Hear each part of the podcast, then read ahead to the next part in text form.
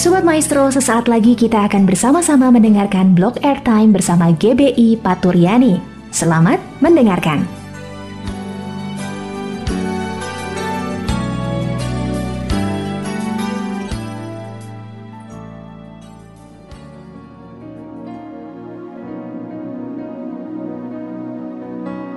Shalom Sobat Maestro yang dikasih Tuhan Bertemu kembali dengan saya Mira Yovita dalam acara Suara Paturyani Saat ini sebelum kita mau sama-sama mendengarkan sebagian daripada firman Tuhan Mari kita sama-sama berdoa terlebih dahulu Bapak yang baik, terima kasih Tuhan untuk keadaan setiap kami saat ini Terima kasih untuk keluarga kami, terima kasih untuk teman-teman sekeliling kami, Terima kasih untuk kesehatan setiap kami.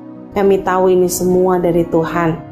Bapak saat ini kami mau merenungkan sebagian daripada firman-Mu. Tuhan yang akan tolong hamba-Mu yang akan berkata-kata. Tuhan taruh hatimu di dalam hatinya. Supaya sungguh apa yang keluar dari lidah bibirnya sungguh merupakan isi hati Tuhan. Tuhan yang akan mengurapi.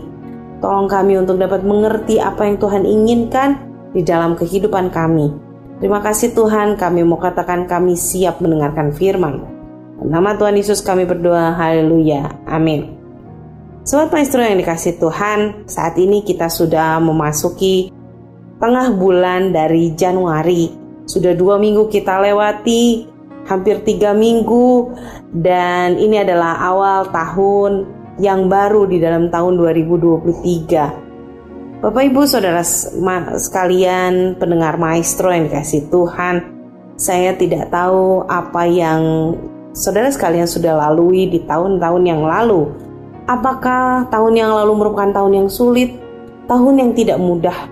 Tahun di mana Bapak Ibu Saudara sekalian kehilangan seseorang Atau mengalami kerugian di dalam usaha Bapak Ibu Saudara sekalian Atau bahkan Bapak Ibu Saudara sekalian ada yang kehilangan pekerjaan di tahun 2022 yang lalu atau tahun 2022 merupakan tahun kelimpahan. Itu juga bisa terjadi bagaimana kita bisa kedatangan seorang anggota keluarga baru atau kita memulai hidup baru dengan pernikahan atau kita mengalami keuntungan yang berlipat kali ganda dibandingkan tahun-tahun pandemi sebelumnya atau apa pun itu tapi mari sama-sama kita mau menyongsong tahun 2023 ini dengan tekad, motivasi dan komitmen yang lebih lagi di dalam Tuhan. Kalau saya ambil se seseorang yang sangat mempunyai tekad, motivasi dan komitmen yang baik, saya mau mengambil contoh Ayub. Ayub kalau kita lihat di dalam Ayub 1 ayat yang kelima saya bacakan buat kita semua. Setiap kali apabila hari-hari pesta telah berlalu, Ayub memanggil mereka dan menguduskan mereka. Keesokan harinya pagi-pagi bangunlah Ayub lalu mempersembahkan korban bakaran sebanyak jumlah mereka sekalian. Sebab pikirnya mungkin anak-anakku sudah berbuat dosa dan telah mengututi Allah di dalam hati. Demikianlah senantiasa dilakukan Ayub. Namun kalau kita lihat di ayat yang ke-20 ketika e, bencana itu melanda Ayub, Dikatakan demikian, maka berdirilah Ayub lalu mengoyakkan jubahnya, mencukur kepalanya, kemudian sujud ia dan menyembah. Katanya, dengan telanjang aku keluar dari kandungan ibuku dan dengan telanjang juga aku kembali ke dalamnya. Tuhan yang memberi, Tuhan yang mengambil, terpujilah nama Tuhan. Dalam kesemuanya itu Ayub tidak berbuat dosa dan tidak menuduh Allah berbuat yang kurang patut. Bapak Ibu Saudara sekalian, kita bisa melihat bahwa Ayub mengalami naik dan turunnya kehidupan. Bagaimana dari seorang yang sangat kaya dan menjadi seseorang yang sangat luar biasa terpuruk. Bapak Ibu Saudara sekalian, hal ini bisa menyurutkan semangat Ayub untuk mengikut Tuhan.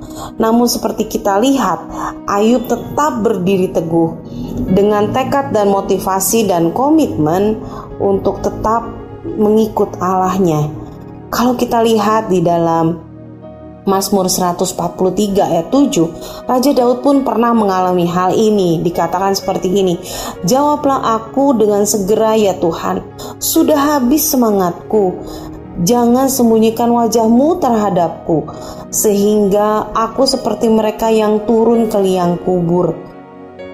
Kedua orang ini adalah merupakan pahlawan iman yang sama juga menghadapi hari-hari yang sulit. Namun mereka tidak patah semangat kalau kita baca di dalam Amsal 17 ayat yang ke-22 dikatakan bahwa hati yang gembira adalah obat yang manjur, tetapi semangat yang patah mengeringkan tulang katanya. Dan kalau kita teruskan di dalam Amsal 18 ayat yang ke-14 dikatakan, orang yang bersemangat dapat menanggung penderitaannya, tetapi siapa yang memulihkan semangat yang patah?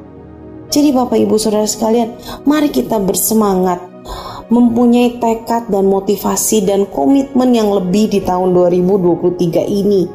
Jangan sampai kita patah semangat seperti Ayub ketika dia jatuh di dalam eh, pencobaan dan Tuhan mengizinkan pencobaan itu terjadi, Ayub tetap bersemangat, memegang teguh tekad dan motivasi dan komitmennya dan dia menjaga semangatnya untuk tetap mengikut kepada Tuhan. Demikian pula Raja Daud, dia tetap menjaga komitmennya, motivasinya, menjaga tekadnya untuk tetap mengikuti Tuhan. Jadi Bapak Ibu Saudara sekalian, hari-hari yang sulit tidak hanya kita yang menghadapi. Ayub dan Raja Daud pun mengalami hal-hal yang kita alami. Bahkan Yesus pun sebelum dia naik ke atas Golgota mengalami hal ini. Bagaimana ia terguncang, dia harus menjalani bukit Golgota itu. Tapi dia tetap memegang teguh komitmennya untuk mengikuti Tuhan dan dia mengikuti rencana Bapaknya dan dia menjalani hal-hal itu. Mari kita tetap semangat mengorbankan semangat kita untuk sungguh-sungguh kita boleh menjalani tahun 2023 ini. Kalau banyak prediksi tahun 2023 adalah tahun yang sulit, tahun resesi, tapi mari kita sama-sama menjaga iman kita, menjaga spirit kita untuk tetap semangat di dalam Tuhan. Bagaimana kita mau mengorbankan semangat kita dan kita tetap mau berdiri teguh untuk memegang kepercayaan kita, iman kita, kepercayaan kita terhadap kepada Tuhan Yesus. Bapak Ibu Saudara sekalian, tahun-tahun yang kita hadapi mungkin tidak mudah, tapi satu hal, Tuhan tidak pernah meninggalkan kita. Dia pasti ada bersama dengan kita dan dia akan selalu memegang tangan kita. Seperti sebuah lagu yang mengatakan bahwa dia ada roh kudus yang memegang tangan kita di setiap hari di dalam kita menjalani kehidupan kita. Mari kita pegang teguh iman percaya kita dan kita percaya bahwa Tuhan tidak akan pernah meninggalkan kita dan biarlah semangat kita tetap berkobar, semangat kita boleh uh, tetap menyala-nyala di hadapan Tuhan. Sama-sama kita berdoa. Bapa kami yang ada di dalam kerajaan surga, kami bersyukur Tuhan bahwa janjimu tidak akan pernah meninggalkan kami. Tuhan tolong setiap kami untuk sungguh kami boleh menjaga iman kami, menjaga semangat kami untuk tetap menyala-nyala di hadapan Tuhan, tetap berkobar sehingga sungguh semangat kami tidak patah, tapi sungguh hati kami boleh gembira karena ini adalah obat yang manjur buat kehidupan kami. Terima kasih untuk firman-Mu. Biar sungguh kami mau membawa firman-Mu di dalam menjalani hari-hari kami, di dalam menjalani tahun 2023 ini. Dan nama Tuhan Yesus kami berdoa, haleluya, amin. Demikian firman Tuhan yang bisa saya bagikan. Saya Mira Yovita dari Suara Paturyani. Shalom, Tuhan Yesus memberkati.